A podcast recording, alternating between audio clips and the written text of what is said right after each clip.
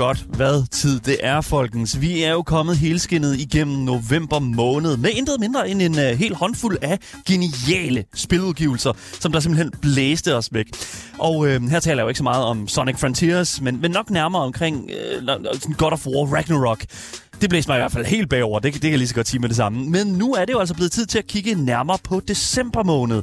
Og jeg kan allerede sige, at øh, 20, øh, når det kommer til 2022 og slutningen af det, ja, så føler det altså føles det lidt som om, at vi går ud med et ordentligt brag et eller andet sted. I hvert fald med en ny omgang spil i løbet af hele december måned. Så jeg synes sådan set bare i dag, der skal vi gå igennem den her liste af enorme store bangers. Fordi der er virkelig meget at se frem til.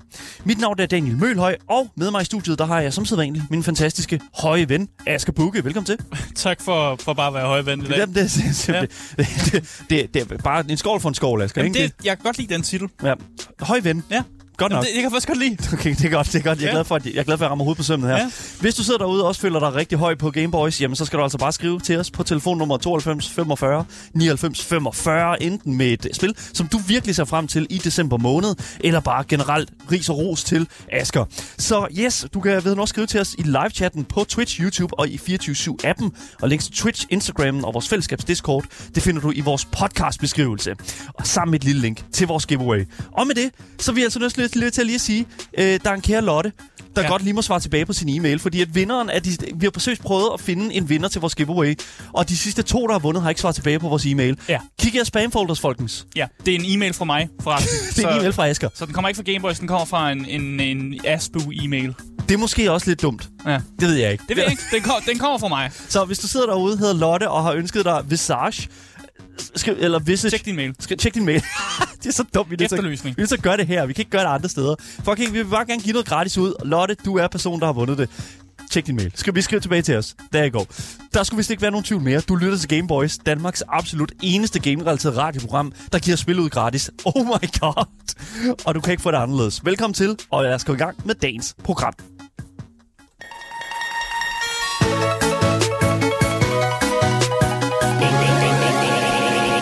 Ja, december måned, det er jo en lang måned et eller andet sted, kan man sige. Det er jo 31 dage. Ja, ja, ja, sådan kan man også se det. Det er også den sidste måned. Altså, det jeg lægger mærke til meget omkring december måned, det er, at der kommer altså virkelig nogle, øh, nogle højkvalitets øh, Ja. spil ud her. Mm. Og det er jo klart, fordi spilindustrien kan godt lide at lægge nogle spil ud lige op til jul. Lige, lige omkring jul i hvert fald. Mm. Så det er nogle ting, der måske kan være under juletræet. Det er rigtig strategisk set. Øh, og jeg synes også, at i år, der har vi virkelig set nogle, øh, nogle vildt fede spil. Mm. Og det var faktisk også meningen, at der skulle være lidt flere spil, der kom ud i december. Men de er jo så blevet rykket. Det er jo, Sådan det, er der det jo. sker. Det er jo det, der sker med, med, med nogle spil. og det er derfor, det er et helvede at lave den her liste, fordi at nogle Men det gange... er stadig godt pakket øh, mand. katalog, vi har i well, dag. Det er jo så, hvad det er, ikke? Og det er, så, det er jo rent held et eller andet sted. Men der er en masse ting, der er blevet flyttet. Sådan er det, det kan vi ikke lave om på. Men jeg vil faktisk sige, at det, der er tilbage, som du siger, Asger, mm. det er altså stadigvæk fucking quality content. Så jeg synes sådan set bare, at, som jeg sagde i starten, lad os gå igennem det. Lad os komme i gang. Altså lad os se at få, få taget hul på det aller, aller første spil. Og jeg synes sådan set bare, Asger, du skal tage os ind i det allerførste. Nice shot! Gameboys. Ja, fordi det første spil, der er her på listen, at det er spillet The Callisto Protocol.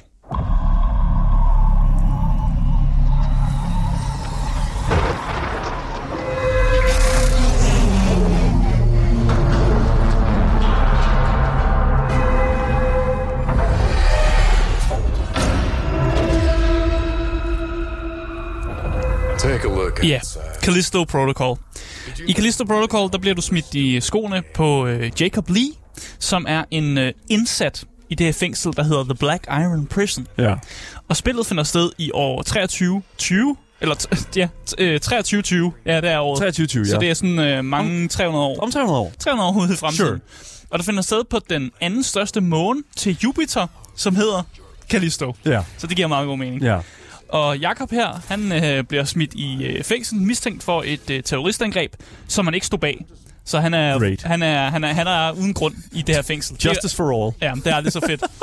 Men øh, før han ligesom bliver ved af det, så bliver det her fængsel, øh, det bliver inficeret af en eller anden form for virus, som gør, at mange af de her indsatte, de bliver til sådan nogle... Øh, Lumeldasker, tror Ja, jeg. Det er ja. det ord, vi Det er, det, ord, vi, det er i hvert fald det ord, vi har døbt, øh, hvad hedder det nu, øh, hvad kan vi sige, Øh, det Mon- monstre, som er sådan Monst- svært at identificere. monstre, der har lavet øjne. Ja, det, Ja. det er en lurmeldasker. Ja. Det kan vi ikke rigtig love om på. Monster lavet af flæsk og Ja. alt muligt. Ja, ja, lige præcis. Hvis din øh, hvad hedder du, flæskesteg begynder at bevæge sig, så spiller du nok øh, Callisto Protocol, og det er ikke 24. december desværre. Ja, men alle de her indsat, de bliver altså til øh, nogen form for monstre, zombier. Man kan jo identificere dem, som man har lyst til. Mm. Det tror jeg, de er ligeglade med, hvordan du, hvad du kalder dem. Sure enough. Øh, men Jakob han må så arbejde for ligesom at komme ud af det her fucking fængsel, øh, som jo langsomt sådan bukker under øh, i hvad der faktisk ligner et sådan full-blown sådan alien invasion. Ja. Øh, og det er jo så dit job at navigere igennem det her, prøve at komme ud af et fængsel. Så det er faktisk et prison escape-spil, Ja. kan man vist godt sige, Ja. men lige med et twist selvfølgelig. Lige præcis. Lige Der er præcis. der også nogen, der gerne vil ind i fængslet og æde din øh, hjerne og begynde at spise dig og alle mulige øh, mærkværdige ting. Når man bare gerne vil ind i fængslet, ikke? Ja, God damn.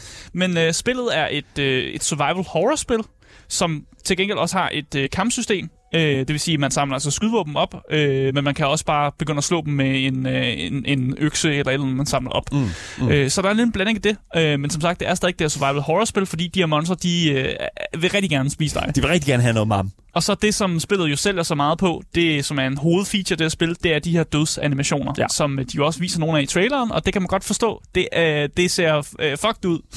det er meget gory ja, er og meget det. blodigt, øh, og som sagt, spillet kommer ikke ud i Japan, nemlig fordi det er så blodigt og fucked up, og de havde ikke lyst til at ændre det. Fordi Se- de synes jo, ja. det, er, det er essentielt, at man kan se ham her, Jacob, altså få, øh, få, få lemlæstet hans krop af nogle monster, der bare river ham midt over. Det er en billig løsning selvfølgelig for, hvad hedder nu, studiet, der står bag det her spil, der hedder Striking Distance Studios. Ja. Øh, det tidligere Visceral Studios, tror jeg nok, at øh, det hed før. Øh, dem, der lavede Dead Space. Altså, det var dem, der Det er i lavede hvert fald. Glenn Schofield, som Ja. er ham, der har været med til at lave Death Ja. ja. Space, som også øh, er inde over Callisto Protocol. Ja, lige præcis. Og det, var, det er sådan et eller andet sted sådan en, en, øh, en, en, en spiritual øh, successor til altså, Dead, Dead- Dead Space. Ja, det, altså det er ja. den samme mand, der har lavet begge universer. Ja, lige præcis. Det, han, han har lavet med nogle aliens og noget, et eller andet noget rum, rummet. Og, Dødsanimationer. ja, dødsanimationer også og sådan Ja, noget der. Jamen, det, det, kan han godt lide. Der er nogle ting, som bare, man kan se, det er sådan, åh, det er en Glenn Schofield uh, production, Hedder han sige. Glenn, Glenn Schofield eller Glenn Schofield? Glenn Sch- Schofield, har jeg lyst til at sige. okay, men det var bare sagt det andet i sådan 20 minutter. ja, det kan også være, jeg siger det forkert. Hey man, that's what it is. man. Det er det der med navne. Det er, det er aldrig nemt. Men, Han er en dude, der har lavet Dead Space. Men han er i hvert fald en dygtig dude, der har Ja. lavet Dead Space. Og Det er han, altså, nu laver de The Callisto Protocol, og han er en passioneret øh, øh, øh, fyr. Ja, altså, det er han. han er så passioneret, at han, han jo øh, på Twitter for noget tid siden øh, jo talt for, at Crunch, det var bare perfekt. Love og Crunch. Det er jo mega fedt, og det alle de gode produktioner bliver lavet under Crunch, og Det det er er jo- det er jo, det er jo fedt nok at sove under, under skrivebordet, Damn, det er, og jo ikke komme hjem til familien. det, det er fucking cool. Det er jo bare at smide det der op, og så er det bare plus fucking street. Ja, det blev ikke mødt med særlig, særlig god respons på Twitter. guessed? Øh, og så har han jo også lige for nyligt været vælten igen, med, fordi at uh, Callisto Mm. Protocol det blev beskyldt for ligesom at have en masse af de her dødsanimationer gemt bag en paywall. Og så var han jo nødt til at ja. komme ud igen og forsvare det. Men vi ved aldrig helt rigtigt. Vi, vi ved stadig ikke rigtig helt, hvad det betyder, det der med, at det er gemt bag en paywall. Er det en DLC, så giver det jo fin mening, fordi så er der mere indhold end bare de her dødsanimationer. Hvis det bare kun er de her dødsanimationer, øh, animationer, som man skal betale for, så er det fucked up. Men ja. det er så, hvad det er. Alright. Det, igen, vi ved det faktisk ikke, Nej. før spillet kommer ud, hvor Nej. vi får se, hvad der er, der er gemt i de her ekstra pakker, og hvad der er gemt i den normale pakke, om, mm. om det påvirker hinanden, eller om grundspillet stadig er, som det nu er. Ja.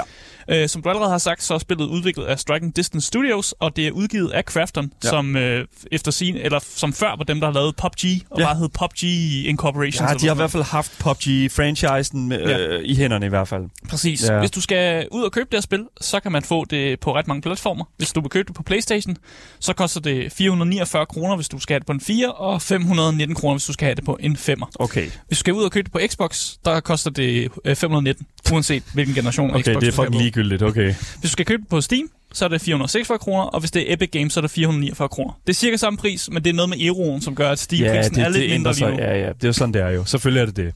Men så er det næsten samme pris, øh, og spillet står altså til at komme ud allerede den 2. december. 2. december? Ja. Ja, så lugter det, det lugter jo lidt af, det, Det er det, er næste uges anmeldelse her på Game Boys. det er det. det er det. Uh, det kan vi Det er godt lide, det kan vi godt lide. Præcis. Så jeg synes egentlig bare, at øh, vi skal gå ud af den her, og så gå videre til det næste spil på listen. Ja. Let's go, dude. Game Boys. Fordi det næste spil, der er på den her liste af spiludgivelser fra december måned i år, det er altså et spil, som jeg tror rigtig, rigtig mange de har set, synes, wow, det ser fedt ud, og så har de glemt alt om det igen. Ja. Øh, nu dukker det altså op igen her øh, med en udgivelse faktisk øh, relativt tæt på øh, den 2. december, fordi det er nemlig også den 2. december. Mm. Så virkelig to spil, der skal, der skal kæmpe om at komme frem. Øh, det spil, som jeg taler om, Spoiler jo tre Ja. spil lige om lidt. tre spil, sådan er det. Der er rigtig mange på den 2. december, sådan er det bare. Men det spil, jeg taler om her, det er selvfølgelig Need for Speed Unbound.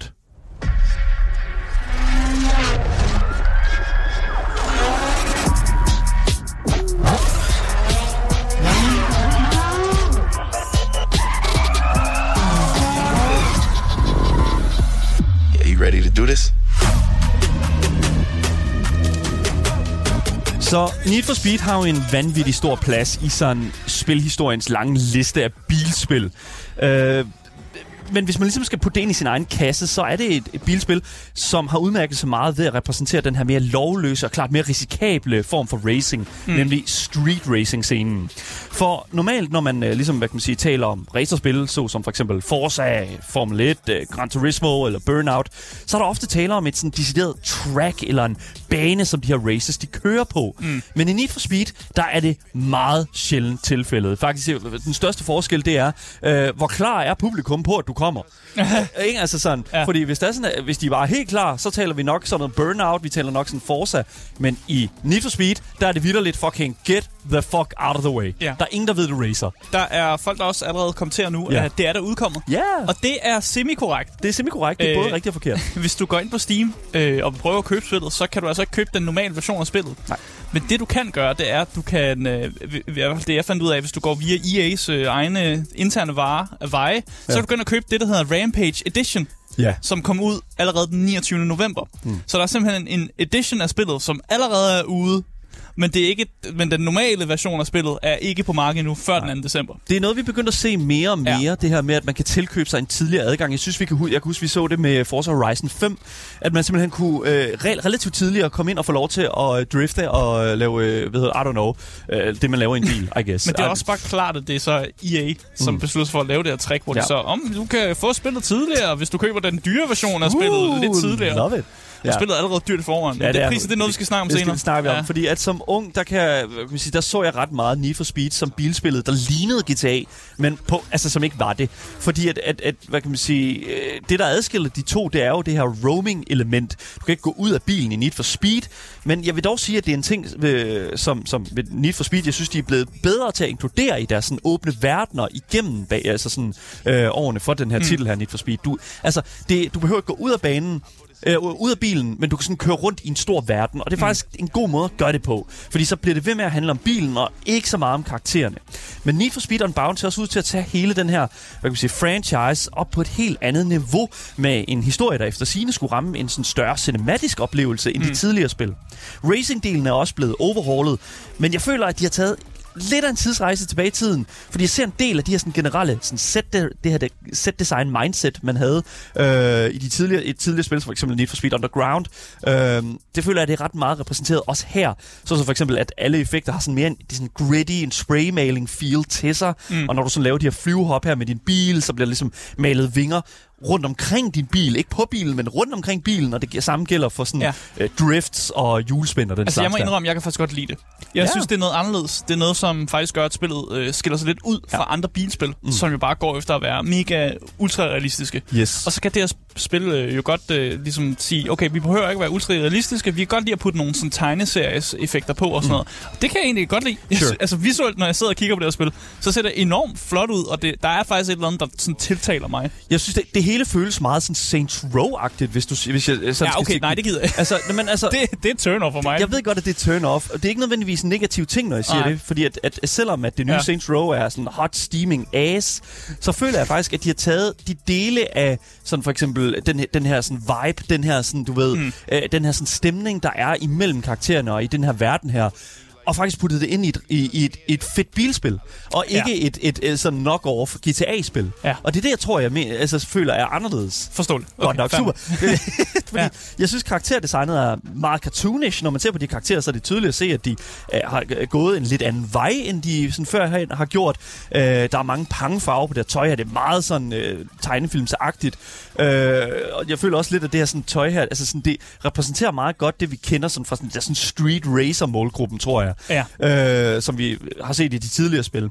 Med andre ord, så kan du ligne en fucking clown, mand. Altså seriøst, ikke i det her spil, ikke? Jeg så noget gameplay, og du kan seriøst, altså du kan ligne Altså, du kan ligne en idi- den største idiot. Og det er også derfor, jeg siger Saints Row. Altså, du kan virkelig Ja, der fucking... kan du faktisk tage et kronekostyme på. Ja, jamen, Jamen, decideret. det tror jeg ikke, du kan her. Jeg tror bare, det this is just the fashion of the... I don't know. Aha. Personal pr- preference her, folkens. Is just what it is. Ja. Og jeg ved ikke, altså sådan... Nu har jeg jo ikke set så, så meget gameplay, men det, jeg har set, der tror jeg, at altså, du, det du kan selv sådan, hvad kan man sige, skifte, hvordan du ser ud i spillet. Altså, jeg har lyst til at sige, at man kan, man kan, de fleste karakterer, det ligner nogen, der, der går ned og laver graffiti i Ja, weekenden. ja, there you Er- go. Er det en stereotyp, eller? Nej, nej, jeg tror, jeg tror, du rammer hovedet på søm der, ja. Asger. Det tror jeg virkelig.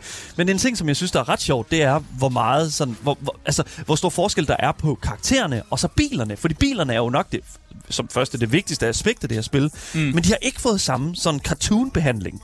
De, øh, jeg føler, at bilerne ser meget realistiske ud. Ikke sådan Forza og Formel 1-standarder, men lige præcis nok til, at vi, det ikke ligner det her asset flip, mm. som vi jo talte om, da vi snakkede om uh, Sonic Frontiers. Det der med, at nogle ting, der, der er nogle clashes her. Fucking S- Sonic uh, cartoon guy, og så uh, kæmpe uh, episk skybox og sådan noget. Mm. Der er et eller andet fuldstændig åndssvagt ved det der, men alligevel synes jeg, at, at, at de har ramt rigtig, rigtig fint. Det der sådan midterpunkt der, hvor der er sådan, at, at karaktererne stadig popper ud inde i bilerne, så de ikke bare sidder og bliver væk inde i bilerne, men så de stadigvæk, ligesom, man kan ligesom stadigvæk øh, få deres reaktioner mm. ud. Og det synes jeg, det er, en- det, det er meget positivt. Ja, der er faktisk en hel masse sådan positive ting. Ja. Øh, når du sidder og fortæller om A det, men lot også når du sidder, sidder og kigger på det, er der Ja. faktisk en masse positive ting at komme efter. True. Virker som om. Ja, true. Det eneste, der lige er problemet her, og det er altså for det første udviklet af Criterion Games og udgivet af Electronic Arts. Altså there EA. you go. Ja. There you go. Og så, nu siger vi EA. There, there, there, there it is. Der er folkens. problemet. Electronic Arts, der er problemet. Fordi ikke, ikke nok med, at det øh, udkommer på PlayStation, øh, PC og Xbox, så kommer det altså ud til en pris på 70 euro. Det er 520 kroner, og det er simpelthen fuldstændig vanvittigt, at det kommer ud til så høj en fucking pris. Men det er jo fordi, de siger, det her det er triple A-game. Det kommer ud til Fuld af lort. triple A-pris. Bro. Men jeg, jeg er faktisk enig i dig. Jeg, jeg forstår ikke, hvorfor man prøver at sælge det til et, som et triple A-game. For det, føl, altså, det kan godt være, det er det, og det er lavet et stort firma og sådan noget der. Mm. Men det, det, jeg har bare ikke lyst til at bruge så mange penge på et bilspil. For Eller sådan, nej, I hvert fald ikke sådan et der bilspil. Nej, det skal compete, altså det, det, det skal compete med ikke bare Callisto Protocol, men også, hvad hedder det nu, det næste spil, som vi skal til at snakke om, ikke? Altså sådan, det, det, der er tre spil, der kommer ud på en dag, og Også andre spil i december og, Og- sådan noget. well, Hvis, ja. Og hvis man også skal ud og købe nogle gaver til familien. Men jeg er nødt til at sige det, altså sådan, at de her tre spil her til AAA-pris, så er det her spil her, I'm sorry, nu har jeg set lidt af sådan, hvad kan man sige, storylines og karakterplots og sådan, og, og voice acting og den slags. Det er ikke, altså, it, it, it's not gonna grip people. Altså, jeg tror simpelthen ikke, at det her det er nok til at få folk, fattige folk. Jeg tror, der, altså, øh, dem der køber det på Steam, altså, det bliver Refund City og det er alt, hvad jeg har at sige til det. Ja, Sådan er det. jamen, Jeg har også en idé om, det, det, jeg, ved ikke, jeg, jeg har en idé om, at det bliver sat ned til øh, Ja. halv pris meget hurtigt. Det kommer det meget til. Så det er Ja. rigtigt sådan, hvis man synes, Yes. det er interessant, og jeg synes faktisk, det ser lidt interessant ud, så vent, hold, Ja. hold lige ud. Hold det lige bliver ud. jo nok sat på udsalg ret hurtigt. Need for Speed Unbound udkommer den 2. december til en pris til 520 kroner. Se på det, øh, hvordan der ledes det kommer til at ske i øh, fremtiden med det. Here comes the money. Here we go. Someone say Game Boys. Det næste spil, øh, vi har på her på listen, det er også et spil, som udkommer på den her 2. decemberdag. Så der er tre spil, som skal konkurrere mod hinanden. Øh, og det her, det er jeg faktisk lidt, øh, er ked af, at det kommer ud på samme tid som Callisto Protocol. Fucking annoying. For jeg synes også, at det her virkelig er et banger et spil. Ja. Men det er simpelthen spillet, som hedder Marvel's Midnight Suns.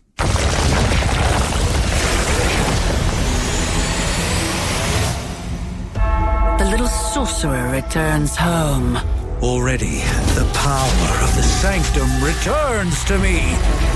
Your days of plundering its secrets end today! Meget over the top, I gotta say. Ja, en lille smule. Ja. Øh, I det her spil, uh, Marvel Midnight Suns, der får du lov at lave din helt egen uh, held i Marvel-universet, mm. som har øgenavnet The Hunter. Eller The Huntress, hvis du er en kvinde, tror jeg. Det er en uh, fuldt, fuldt uh, customizable karakter, som øh, du får lov at spille, som kan have over 30 forskellige kræfter, som du simpelthen selv får lov at vælge, hvad for nogle kræfter øh, den her superhelt skal have. man får også lov selv at bestemme kønnet på den her superhelt, og så bliver man egentlig bare puttet ind i det her Marvel-univers. Øh, og det synes jeg egentlig er genialt, at de har lavet sådan et samarbejde, nemlig Marvel og Fire Access, som er dem, der har lavet det her spil, at de har fået lov til ligesom, at designe deres egen held. Ja. At de ikke skulle tage en, der allerede eksisterer, selvom der er ufattelig mange seje helte for Marvel-universet, helt klart. Ja. Men det er bare fedt, at man ligesom også får lov at, at customize og lave et eller andet selv. Ja. Så den her karakter, man spiller som, der hedder The Hunter, øh, får lov at lede det her superhelte-team, som er kendt øh, som The Midnight Suns. Og de karakterer, som er spilbare i spillet, og nu optramser jeg dem alle sammen, fordi så er der sikkert nogen, der pisser lidt i bukserne, når jeg siger, deres, dog. når jeg siger deres yndlingshelt. Iron Man, Ja. Captain America, Wolverine, Spider-Man, Venom, Morbius, Scarlet Witch, Doctor Strange, Captain Marvel, Blade, Ghost Rider, Storm, Magic, Deadpool, Hulk og Nico Minoru. Er, Men, Nico Minaj? Nej, Nico Minoru Nå, okay, undskyld er de helte, man får lov Hvorfor siger du Nico Minoru? Undskyld, jeg er en idiot. I'm sorry. er nogle af de helte, som du får lov at spille som. Og jeg, s- der er virkelig nogle af de helte, som er fucking fede helte. Jeg synes, det er meget bold, de putter øh, Deadpool ind. Ja. Ham havde jeg ikke lige set, de ville annoncere eller, eller putte med spillet, men han er en populær helt. Han er en uh, fourth wall breaker. Det er selvfølgelig svært at lave som uh, studie, tror jeg, men, men, men altså Fire Access forstår at lave uh, et spil med interessante karakterer. Ja, Og jeg tror, det, ja. er, de har også taget populære helte. Altså, de ved, hvad de laver. De tager nogle af de her meget populære helte, som de ved, at folk godt kan lide, og så putter de dem ind i deres spil. Øh, og det, det passer bare. Ja. Spillet bliver øh, et turbaseret øh, spil, og det kommer til, øh, i hvert fald det øh, information, jeg kunne finde frem til, kommer til at minde meget om XCOM. Ja. Så hvis man er vild med Fire Access øh, XCOM-spil, så tror jeg faktisk også, at man bliver vild med Marvel Midnight Suns. Men det er så sjovt. hvis man er både en blanding af, Ja. af XCOM-fan og Marvel-fan, så er det her det er bare match made in heaven. Men det er jo det, de gjorde med Mario, ikke? Altså med, hvad hedder nu, Mario Sparks of Hope, og også, hvad hedder nu, tidligere Mario plus Rabbids. Det der med sådan, hvis du er fan af Mario, og hvis du er fan af XCOM, fucking, look at this! Altså sådan, det er vidderligt ja. en catering til forskellige publikummer, og jeg synes, det er fedt, at de er så kreative med det. og, og, og så igen, der er allerede nogen, der har nævnt i chatten, altså Morbius er også med og sådan noget. Altså, det er virkelig... It's Morbin time. Ja. Hvis ikke han siger, it's Morbin time i spillet, så er det en wasted opportunity, og Marvel ved ikke, hvordan man tjener penge. What the fuck is Ej, nu er det jo faktisk Fire Access, der står med den, og de er meget seriøse. Så jeg tror måske, de er for seriøse til at gøre Ej, noget ved det. Det kan simpelthen ikke være rigtigt. De har, de har taget Deadpool med. Nu må de fucking Ja, tage sig jamen, sammen. Hvis ikke han siger, it's Morbin time, så siger jeg, I'm sorry, men så, så siger jeg røv. Og det, og det, jeg, I'm, not, Okay, rolig. I'm not gonna fucking do it. Jeg, jeg, jeg vil lidt mere sige, at hvis, øh, hvis spillet har godt gameplay, så er jeg tilfreds. Men ja. Igen, vi er, vi er forskellige. Mig, mig, og- mig og Daniel. It's entirely true. Men når man øh, ikke er ude på mission i det her spil, øh, Marvel Midnight Suns, øh, så kan man opgradere en base, som hedder The Abbey, mm. som øh, er lidt i samme stil, som når man opgraderer sin øh, base i XCOM. Så det er lidt det samme, samme type gameplay, der er der også. Og der vil åbenbart også være sådan elementer af spillet, hvor man kan interagere med andre helte mm. i den her base. Og det vil faktisk have en indflydelse på, hvilke kræfter de har, når de så er ude på mission. Så der er sådan lidt et jeg har lyst til at sige roleplaying elementer af, at man kan ligesom få lov til at snakke med nogle folk, man har nogle, måske nogle dialogue options, man kan vælge med dem her. Og man kan til gengæld ikke, når man så endelig kommer ud på mission, så kan man altså ikke tage alle sine helte med i kamp. Det kunne være fedt, hvis man bare kunne smide hele, hele lortet ind. Det giver god mening, hvis man har spillet XCOM. Men det kan man altså ikke. Man skal, man skal ligesom vælge, hvem der kunne være gode sammen, hvem der har en god synergi, Sure. øh, og hvem man nu føler kunne klare den her mission, man nu bliver sendt ud på øh, bedst. Og så Ja. gør man det. Øh, og man kan selvfølgelig også bare sende sin yndlingshelt ud, hvis man hellere har lyst til det. Det, det kan jeg godt lide. ja, I det, like that. Det kan du også bare gøre. I don't care. Det, det er det samme i, hvad hedder Mario plus Rabbids. Der er også bare sådan, ved du hvad, du har nogle fucking sjove karakterer, du synes, der, du elsker at, øh, at spille med, og du har en playstyle, som du godt kan lide. Ved du hvad, that's good. De har cateret til præcis den øh, ved du, sådan type gamer, som jeg er, føler jeg. Ja. Ja. Så har Fire Access, øh, de har også rystet posen en smule. Mm. Øh, fordi når du har valgt de her helte, og du tager dem med ud på mission, så bliver spillet lige pludselig også øh, et kortspil. For du får givet øh, sådan et tilfældigt kortdæk, øh, for, og for hver kort er der sådan, er det en ability, der har noget at gøre med de helte, du har taget med.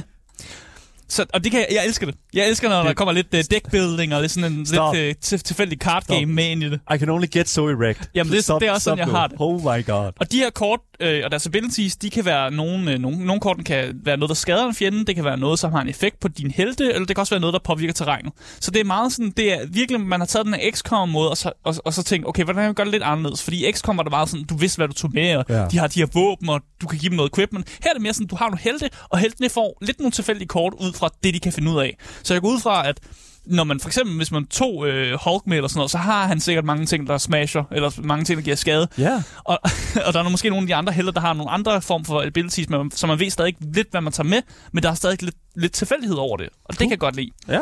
Jeg kan også fortælle, at den, øh, den store Big Baddie i det her spil, det bliver øh, Hydra, altså organisationen Hydra, men det bliver også øh, Lilith, Mother of Demons, som er den store baddie. Øh, og i løbet af spillet, så kommer Lilith til at øh, hjernevaske nogle helte, og det vil sige, at du faktisk også kommer til at kæmpe mod nogle, øh, nogle kendte helte i det her spil. Åh, og vi har allerede bad. fået noget, der var lidt nogle, øh, nogle, t- nogle trailers og nogle teasers, der sagde lidt, at man måske kommer til at være en ond, ond Hulk, som man Love kommer til it. at kæmpe mod. Så det er også noget, vi kommer til at se i spillet, af nogen, der bliver corrupted og hjernevasket, og du så kommer til at kæmpe mod, øh, mod venner.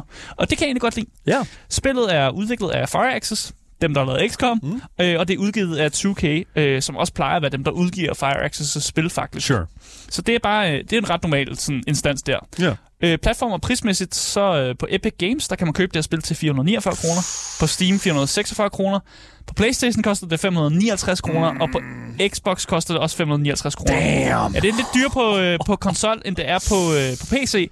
Til gengæld så på PC, der er det jo billigere, hvis du skal købe Need for Speed. Well, that is. Så, Men også et eller andet sted, hvis du skal tage den beslutning, hvilket fucking spil til 70 euro skal jeg vælge i den her måned her. Ja. Og der har jeg bare sådan lidt... Altså, du skal ikke Marvel's købe- Midnight Suns. Marvel's Midnight Suns er fedt. Callisto Protocol er også en, Ja.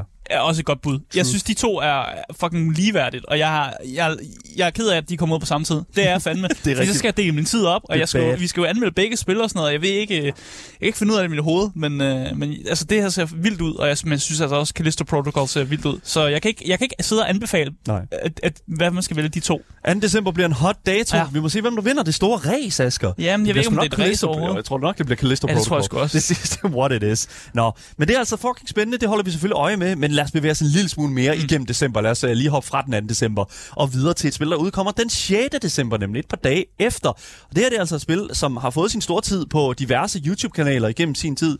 Og det her det er altså en efterfølger der, øh, dertil, og det glæder jeg mig virkelig meget til at, at høre mere om.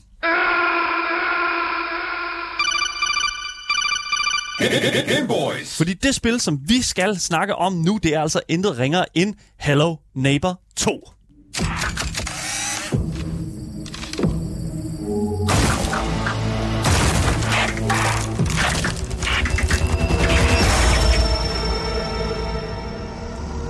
Så Hello Neighbor, de gjorde, øh, gjorde jo ligesom, hvad kan man sige, sin første entré i 2017, og tog mildest talt YouTube Let's Play-scenen med Storm.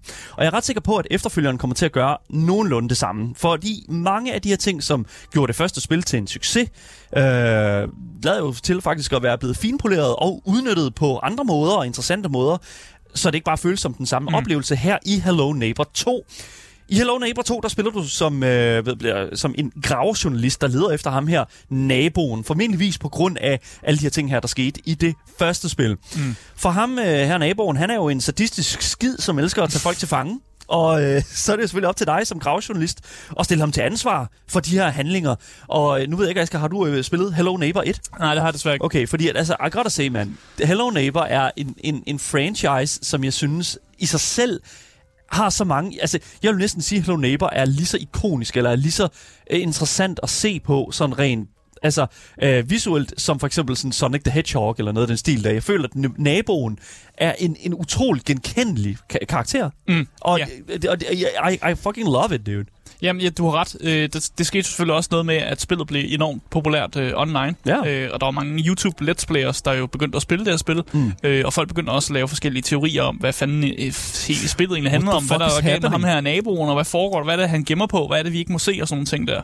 Og det gjorde, at det, de har, den har den perfekte sådan, kombination af, af det, som også gjorde Five Nights at uh, Freddy's meget populært.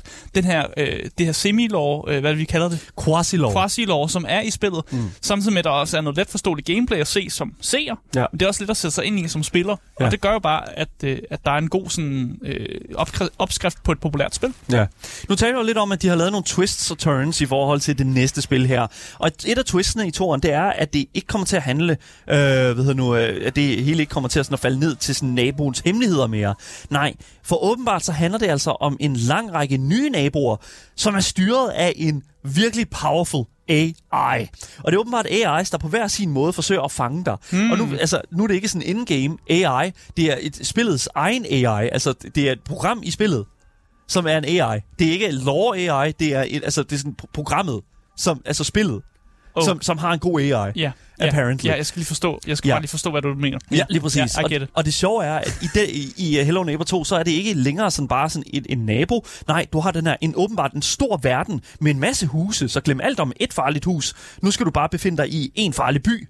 Så mm. there you go. Hello Neighbor 2 er klart mere ambitiøst end det første, og det er bestemt en god ting, fordi hvis det skal ramme den samme popularitets sådan, øh, kurve, som det første spil gjorde, så har de altså været nødt til simpelthen at vise, at franchisen kan udvikle sig på samme måde, som hvad kan man sige, mange af de her øh, fans stigende forventningsniveau. Ikke? Ja, Altså og sådan- det virker sådan, det her Ja. med, at du netop skal Ja. i nogle andre menneskers huse for at finde en item, som mm. så gør, at du kan komme ind i et tredje menneskes huse, som så gør, at du til sidst skal komme ind i et, et, et, et fjerde hus. og sådan noget Præcis. Der. Det er jo en måde at ligesom opscale det hele på. Ja. Og, det, og det, jeg har det sådan lidt sådan, at det, det har de skulle et eller andet sted været meget nødt til. Altså, de har virkelig været nødt til det. Udviklerne er Eerie Guest, og udgiveren er Tiny Build. Og Tiny Build, de købte jo rettigheden til Hello Neighbor for uh, her tidligere på året. Og nu kan vi altså se, hvorfor de gjorde det. Det var simpelthen fordi, at de var uh, relativt interesseret i at lave en for efterfølger til altså sådan det Hello Neighbor-franchisen. Og nu må vi se, altså det ser ambitiøst ud, mm. men prisen der er, er altså faktisk uh, ikke derefter, hvis du spørger mig. Nå. Fordi at øh, det udkommer til tre platforme, PC, Xbox og Playstation.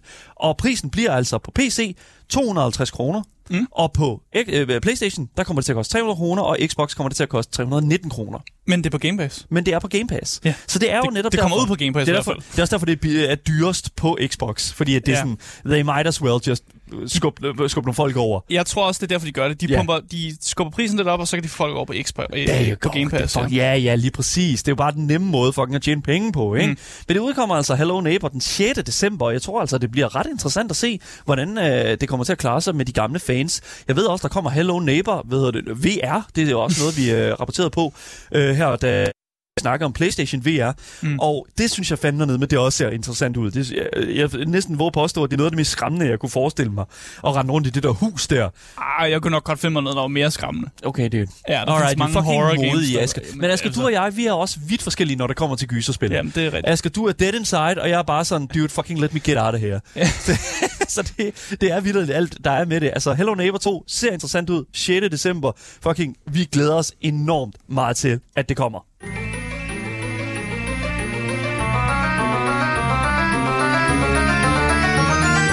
Game Boys. Ja, det næste spil på listen, det er lidt et... øh, Det, jeg har taget et indspil, Ja, ja, du- som jeg synes det har du. så meget interessant ud. Ja. Øh, og det er det spil, som går under navnet Choo Choo Charles.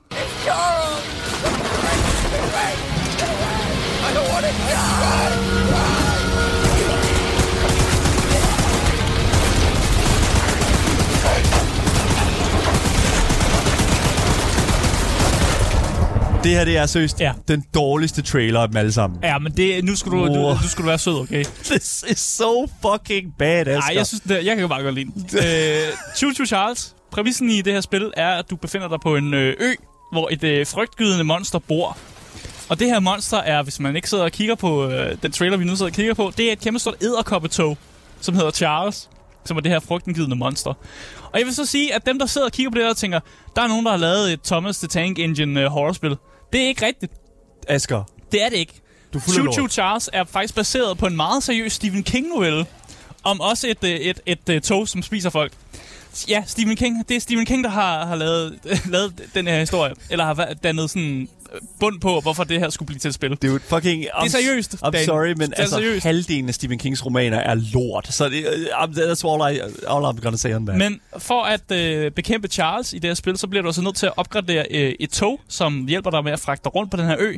Øh, og du finder nogle øh, kraftfulde våben, og du skal finde nogle artefakter også, som ligesom kan hjælpe dig med at øh, til sidst slå øh, Charles ihjel. Ja. Så man skal ligesom se det som sådan lidt et, et, et, et um, indie-spil, hvor man øh, et, et roguelite-spil-agtigt, hvor man bliver ved med at tage ud forskellige steder, hvor man øh, får- øh, får flere og flere ting i sit arsenal, hvor man til sidst endelig tager den her one-on-one battle med Charles til sidst.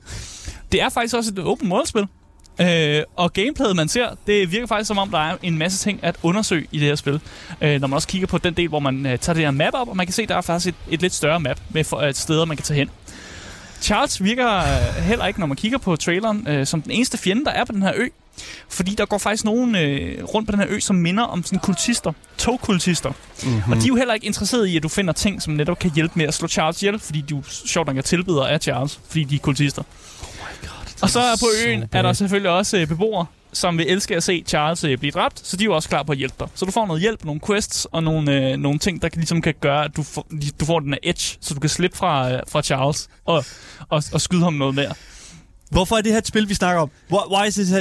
Okay. Det er virkelig interessant. Well, okay. Det ser virkelig interessant ud. Okay. Det har fået vildt meget, det har fået vildt meget hype på nettet. Folk øh, kan næsten ikke lade være med at snakke om det, og fik vildt meget omtale.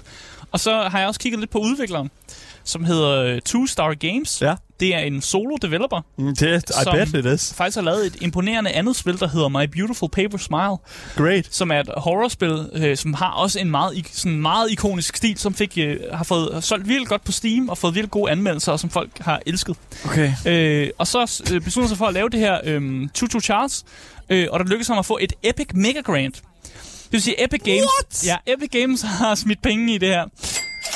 Okay, dude. Okay. What? Ja, så øh, Tutu Charles er godt finansieret. Epic.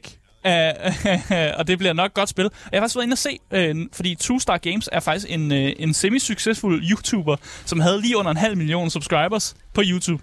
Og han taler meget åbent om development og motivation for, hvorfor han laver det her spil, øh, og hvad for nogle ting han ligesom har mødt på i sin development phase, og hvad udfordringer, og hvorfor han har lyst til at lave tingene, som de nu var, øh, og alt muligt.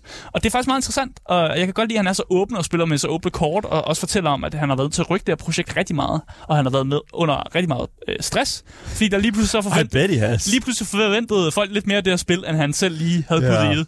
For ham var det lidt bare en joke, at han ville lave det her spil, og det endte jo så med, at, øh, at folk regner med, at han laver et seriøst produkt. Og det har han så tænkt sig at gøre nu. Han har tænkt sig at lave et seriøst produkt, fordi det er folk, det forventer. For fuck's sake, man. Ja, så det er nu, han gør.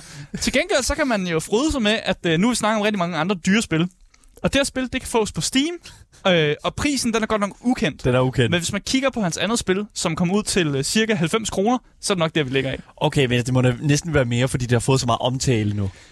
Måske. It probably will. Jeg ved ikke. Jeg, jeg, jeg kan godt forestille mig, at han lægger det ud til samme pris. At det bliver omkring de der 100 kroner. Sådan en gylden indie-pris, måske lidt mindre. Oh, Fordi det er stadig okay. et indie-spil. Han er en solo-developer. Øh, og- så jeg tror godt, han kunne lægge det ud til den her pris. God, December er fucking on fire. Det er 9. december, det her kommer Holy ud. 9. december, Choo Choo. Charles. Choo Choo Charles, Ja. ja. 100%. Altså, hvis I er interesseret i at gå ind, selv at gå ind og kigge på den her liste her, og måske kigge på nogle trailers, så kan I altid kigge i vores podcast-beskrivelse for at finde trailers og for at finde ved nu, øh, links til spilsiderne og den slags der. Mm. Så det skal vi nok inkludere for jer. Men det var altså Choo Choo Charles, som udkommer den 9. december. Fatality. Game Boys. Det næste spil på listen, det er også et øh, spil, som jeg glæder mig ufattelig meget til.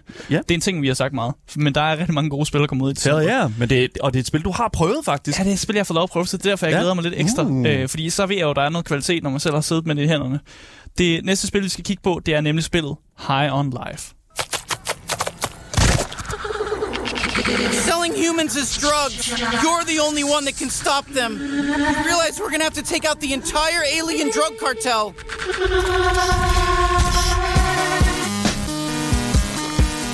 You're just gonna leave me here? Oh, High let's- on life. High on life, dude. Fuck Fucking let's go. Ja. Justin Roiland, Squatch, Squatch Games. Let's go. Ja. High on Life, det er et øh, first-person shooter-spil med et, øh, skal vi sige, et comedy twist mm. til. Øh, præmissen er, som jeg allerede fik forklaret meget hurtigt i traileren, øh, præmissen er, at der er nogle aliens, der har fundet ud af, at menneskerne, de kan, øh, jeg ved ikke, om de kan mose sammen, eller om man bare well. tømmer for et eller andet. Jeg, tror, jeg, jeg så et billede af en, et menneske, der bare stod inde i sådan en beholder, og så stak hovedet ud i toppen, og så stod der bare sådan mega bong eller et eller andet. Ja. De bruger dig i hvert de hoffer dig i hvert fald. Ja, mennesker de kan gøres til et euforiserende stof, som aliens kan blive høje på. Så mennesker er bare, de bliver, vi er ligesom weed ja. på en eller anden måde. Vi er, bare, vi er bare et stof, man skal bruge. Ja. Øh, og derfor har det her øh, Alien Drug Cartel, øh, de har besluttet sig for at tage menneskeheden, øh, og deriblandt øh, din familie til fange, for at gøre dem til stof, som øh, andre kan puffe og blive høje på. Selvfølgelig. Og så er du selvfølgelig dit job at, øh, at redde din familie og stoppe øh, øh, den her alien lord, der hedder Garmantuous. Ja, han er sikkert stor, fordi han hedder noget med G- Gargantuous næsten. Ja. Øh, og til at hjælpe dig, har du, er du selvfølgelig ikke alene. Fordi til at hjælpe dig med at stoppe det her øh, drug cartel, så møder du karakterer, som jeg ikke vil have nok fantasi til at opfinde. Og det er jo, det er jo derfor, at Scrunch Games er det, der, dem, der laver det her spil. Ja. Og deriblandt er de vigtigste karakterer, det er den her race af aliens, som essentielt er talende våbne. Det, Yes. det, de ligner guns, de kan skyde med ting, de får ting til at dø, de, de er guns. Altså talende knive, talende pistoler, talende sådan, øh, bombeskyder. Det, det er sådan noget, du kommer til at møde på din vej. Ja. Og så har spillet selvfølgelig Justin Roiland tilknyttet, hvis man ikke ved, hvem han er. Så er Well. han en meget dygtig voice actor. Det er jo det, der er med det. Han er jo ikke til Justin Roiland tilknyttet. Altså, det er jo Justin Roilands spil, øh, hvad hedder nu, øh, studie. Ja, altså, nej, det, han er tilknyttet. Han er med i creditsene øh, well. for at både at, at have fundet på det, men han står også Yes. på som game designer og har faktisk også været med i game development af spillet. Ja, fordi det er hans Ja. studie. Ja, det er. Så han, det er, jamen, jeg siger, jeg siger bare, du skal, ikke, du skal ikke fejre af, som om han ikke har været involveret. Det er ikke det, jeg siger. Det har han. Det har han. Okay. Han har været involveret. Og han er dygtig voice actor med i Rick and Morty, Solar Opposites, mm. øh, og bare ikonisk stemme, vil jeg, vil jeg egentlig bare sige. Mm. Øh, men fordi han netop har er voice actor, så har han også samlet noget af et øh, sige, voice actor sådan, katalog af Ja. andre folk ude i, ude i verden der. Sure. Øh, han har blandt andet fundet nogle fin- sindssyge øh, voice actors fra blandt andet tegnefilmsverden, øh, som Tom Kenny. Ja. Det er manden, der lægger stemme til Svampbob Firkant. Og mange andre karakterer i Svampbob firma, øh, Firkant øh, franchise. Ja. Han har fundet Zach Hadel, øh, som har været med til at lave Smiling Friends. Ja, Smiling Friends. til. Ja, lige præcis. Og også Michael Cusack, som også er en stemme i uh, Smiling Friends. Altså, jeg er nødt til at sige, Zach Hadel er en af mine absolut yndlingsmennesker her på hele jorden. Ja. Jeg fucking elsker. Han, hedder, han går under navnet Psychic Pebble på, øh, på YouTube. Ja, han har lavet en masse voice acting ting på YouTube og sådan noget, ja. Well, ja, yeah, men han er også en del af en Let's Play-kanal. Øh, og og, og jeg, jeg var nødt til at sige, han er en af de mest underholdende mennesker nogensinde i, altså i hele industrien. Han er simpelthen øh, udelukkende, fordi han har den der meget sådan øh, nemt genkendelige stemme. Ja. Han har den der meget nasale stemme der. Ja. Og det er sådan, jeg, jeg, jeg, har- jeg, ved ikke, hvorfor at hans stemme lyder, som den gør. jeg har hørt nogen, der sagde, at han sådan kom op til dem, og så siger han, øh, så spurgte jeg ham, hvorfor lyder du sådan der, Zach? Og så siger han, at det er fordi, min, øh, jeg var ikke, øh, hedder du, en øh, færdselsuheld, øh, da jeg var lille. Og så sagde de, er det rigtigt? Jeg sagde, Nej. Han er fuld af lort. Og det var det, det er netop derfor, at jeg, jeg sagtens kan se High on Life blive et af de der projekter der, mm. som er som sammenkogt en ret, at nærmest alle, der sætter sig for det, simpelthen ikke, ikke kan andet end at fucking elske det. Ja, og jeg vil sige, at det er jo bare nogle af de uh, voice actors, der er annonceret. Øh, altså, der er nogle... Øh, nu vil jeg ikke sige for meget, men der, Nej, er, nej. der er mere.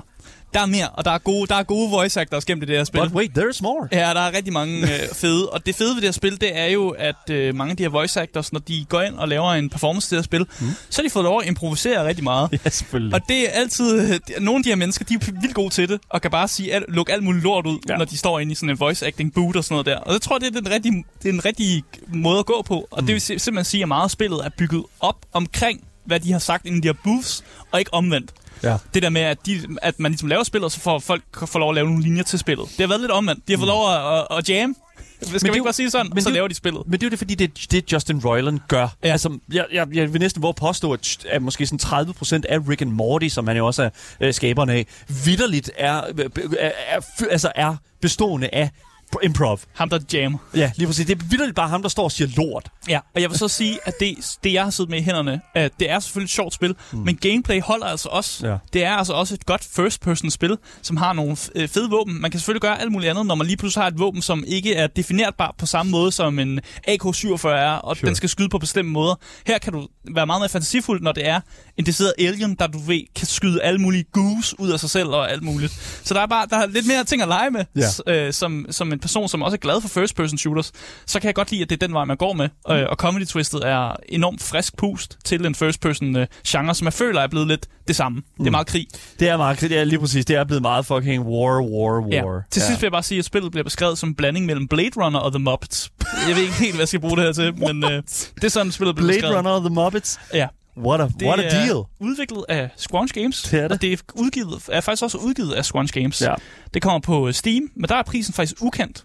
Til gengæld er der en pris på Epic Games, som mm. siger 289 kroner. Ja. Det er billigere Ja. end en AAA-pris. Men Asger, hvad er billigere end øh, en, en, en AAA-pris? Det er, hvis du kan få det på Game Pass. There you go. Øh, du kan også købe på Xbox- til 480 kroner. Wow. Det ved jeg ikke, hvorfor du vil gøre. Ej, det ved jeg nu heller ikke helt. Så jeg vil anbefale Game Pass, ellers så Epic Games har en rimelig god pris på det. Ja. 289 kroner. Yes. Øh, og spillet kommer altså ud den 13. december. Mm. Øh, og der bliver altså noget af en banger, tror jeg. Det bliver virkelig en fucking banger. 13. december, virkelig sidde på kanten af jeg sidder. Det er, har fået et Asger stamp of approval. Ja. Holy shit, man. Very, very good stuff. Game Boys. Så vi skal jo videre til det næste spil, der udkommer her til december øh, 2022. For Vi øh, går ud på øh, hvad hedder det nu, øh, en banger her. I hvert fald, der er lige to spil tilbage. Øh, og det næste spil, som vi skal snakke om her, det er et spil, som udkommer den 15. december. Øh, to dage efter Squanch Games' øh, High on Life. Og øh, jeg kan lige så godt bare sige, det her det er, this is a weird one. This is a weird one. Så lad os bare starte med at sige, altså, det spil, vi skal snakke om nu, det er Black Tail A Witch's Fate. That weird woman we saw when we played in the woods. She has a crooked nose with a yucky wart. It's just the long grey hair that makes her look old, but she's pretty young actually. She owns a black kitty. She built herself a shelter out of wood and pieces of old cloth. Så ja, Blacktail A Witch's Fate. Øhm, interessant spil. Lidt mærkeligt. Øh, noget af en præmis. Ja. Fordi du spiller jo nemlig som heksen Baba Yaga, der er bedst kendt fra slaviske folkemyter, som den her mystiske heks i skoven, som der bor i et hus med hønseben. Og spiser folk. Og spiser jeg ved. helst øh, børn. Helst smart, faktisk. traileren, øh, traileren her viser ret godt, at øh, Black Tails historie tager udgangspunkt i de her sådan, typiske eventyr eller sådan børnefortællinger, der omhandler Baba Yaga. Men der er altså et ret interessant twist, som gør, at jeg tror, at oplevelsen med Black Tail bliver en kend mere interessant for et bredere publikum. Fordi øh, ikke nok med, at du spiller som heksen Baba Yaga, som jo er, øh, øh, quote unquote, evil as fucking shit, mm. så er der altså også mulighed for at bestemme, hvorvidt du er den onde Baba Yaga, eller om du er den her naturelskende, naturbeskyttende version, som virkelig bare elsker skoven og beskytter den mod alt ondskab. Mm. Og det synes jeg er en rigtig, rigtig god idé, fordi så er der nemlig plads til en bredere playstyle. Og du har så, som Baba Yaga, den her bur og pil, som kan en helvedes masse ting, lidt som for eksempel uh, Atreus i God of War for eksempel. Og så skal du ellers gå rundt i den her skov og hjælpe eller udnytte de her skovfolk. I gotta say, det visuelle aspekt af det her spil minder mig enormt meget om Obsidian Studios' Grounded. Mm. Det, det, det har sådan samme sådan polish til sig, hvis man sådan skal sige det. Altså sådan, tingene skinner lidt. Det er lidt sådan den samme sådan, uh, go-to i forhold til sådan at, at lave assets. Mm. Og I gotta say, Combat ligner meget et hver andet sådan burpil-centreret sådan system, kampsystem.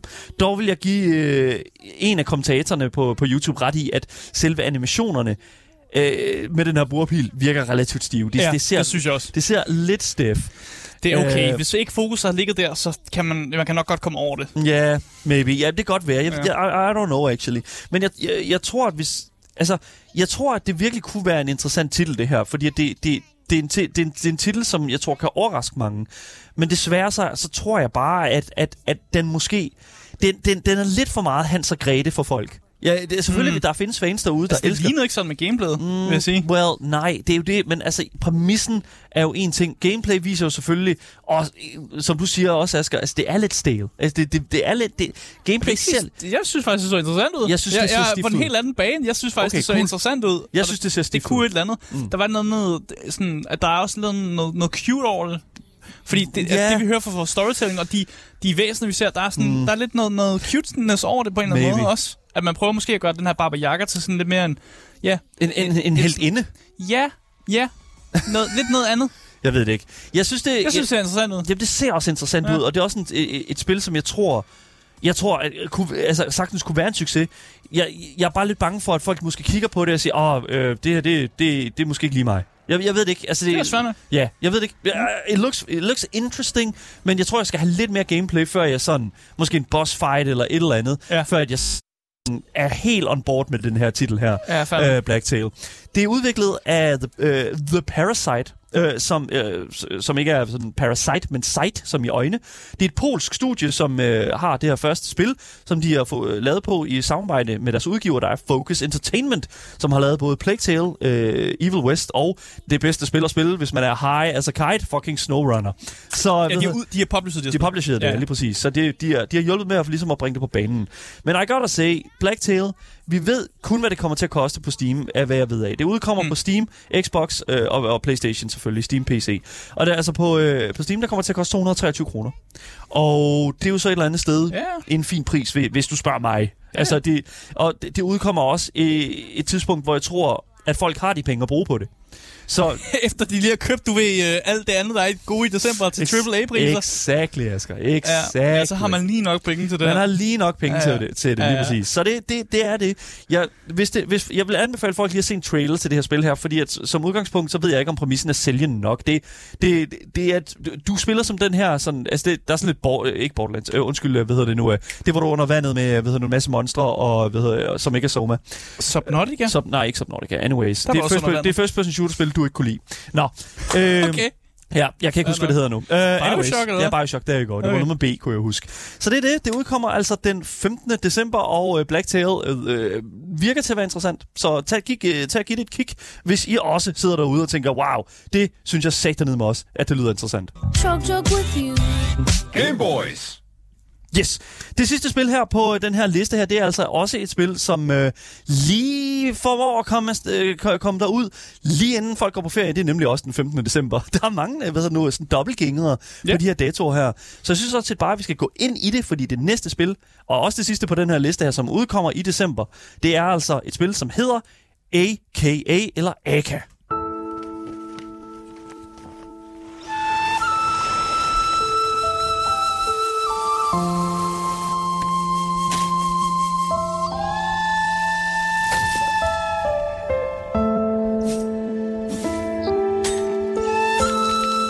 Man spiller som en choppy rev. Jeg spiller som en choppy rød panda, bro.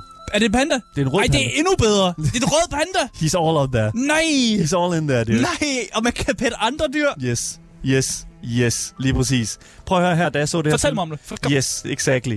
A, Aka fangede mit øje for nylig, udelukkende på grund af den her super cute stil og minimalistiske sådan, visual design. Du spiller som den her røde panda, som jeg tænker hedder Aka, men det kan også være noget andet. Jeg ved ikke, hvad den, øh, om det er nøjagtigt det.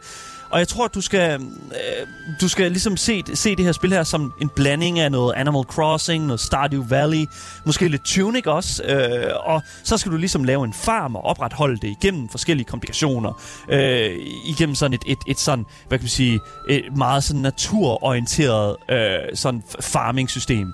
Men det er næppe det, som taler til mig i Aka. Altså, det, det er ikke fucking The Farming Simulator. Ej, hold kæft, det er så godt. Fordi altså, som- det her, det skal min kæreste spille. Det, prøv at høre her. Det virker til, at det her univers her spiller utrolig meget på sådan zen og management. Altså sådan, virkelig sådan den der sådan calming experience. Fordi du kan nemlig lave din egen hytte og udforme den præcis som det passer dig med små bitte stenovne i hjørnen og, ja, og varme bade og øh, måske en køjeseng et sted og planter over det hele. Og så er der selvfølgelig store formentlig venlige monstre, der har brug for din hjælp. Fangede dyr, der har brug for din hjælp og rigtig mange andre ting, som du kan rende rundt på den her, i den her store verden med Aka. Og lave sådan lidt sådan, hvad kan man sige, det samme, som man sådan øh, vil i et lignende spil, men væsentligt mere cute, vil jeg sige. Det giver mig rigtig, rigtig stærke mumintrollende vibes også med sådan artstyle nogle gange. Der er lige sådan nogle øh, enkelte sådan, øh, de der sådan, øh, The Mystical Woods og øh, sådan magier, som ikke bliver forklaret, men mere bare sådan er, er til for at være til i det her univers. Og så vil jeg også sige, at hvis, øh, hvis du sidder derude og har haft en, øh, en stresset 2022, så er det her klart spillet at gå ud på, føler jeg. You need to sit down, relax, måske øh, tage din Nintendo Switch eller dit Steam Deck, sæt dig i en sofa, selvfølgelig også foran PC'en, øh, fordi det er de eneste to øh, konsoller, det kommer, øh, platform, det kommer ud på, og så synes jeg virkelig, at du skal love it. Og Asger, let me turn you on a little bit more. Jamen, jeg tror godt, jeg så det. Fordi hvis ikke, at det er nok for dig, så er der altså også minigames, hvor øh, du blandt andet har et rytmespil og et kortspil. Tak. There is a card Kort. game in this game too. Jeg har solgt. He's, he's there. Ja. Der står godt nok available den 14. december, men jeg vil sige, øh, ved du, med de her datoer her, så er det altså svært at vide. Så hold øje omkring den 14. og den 15. december, fordi på Steam, der står der altså den 15. Og det er altså det, som jeg synes, vi skal holde øje med. Det er, ud, det er lavet af Cosmo Gato og øh, udgivet af NeoWiz Games. Og det er altså dem, der laver Lies of P. Og det synes jeg er interessant. udgiver det, ja. Jeg udgiver det lige præcis. Vi ved ikke, hvad det koster på PC, men på Nintendo Switch, der koster det 93 kroner. Åh, Der go. Rigtig god pris. det koster ikke noget. Det koster ingenting. Så Aka, kig på det, hvis det lyder som om det er noget for dig. Det var vores liste af spil, der udkommer her i den sidste måned af 2022, selvfølgelig december måned, og det var altså en liste af awesome spil, hvis du spørger mig. Vi har ikke mere på programmet for i dag. Tusind tak, fordi I har lyttet med. Det var en stor fornøjelse at sende for jer. Husk at følge podcasten alle steder, så misser du aldrig en nyhed, en anmeldelse eller et interview nogensinde igen. Hvis du vil kontakte med os eller se de game trailers, som vi har haft med i programmet i dag, så kan du altså finde det i vores podcastbeskrivelse, sammen med et link til vores altid kørende giveaway. Mit navn er Daniel Mølhøj, og med mig i studiet har jeg haft Aske Bukke. Yes, yes. Lige præcis. Vi er selvfølgelig tilbage igen i morgen med meget mere gaming og meget mere Gameboys til jer top tier gamers. Vi ses alle sammen. Hej hej.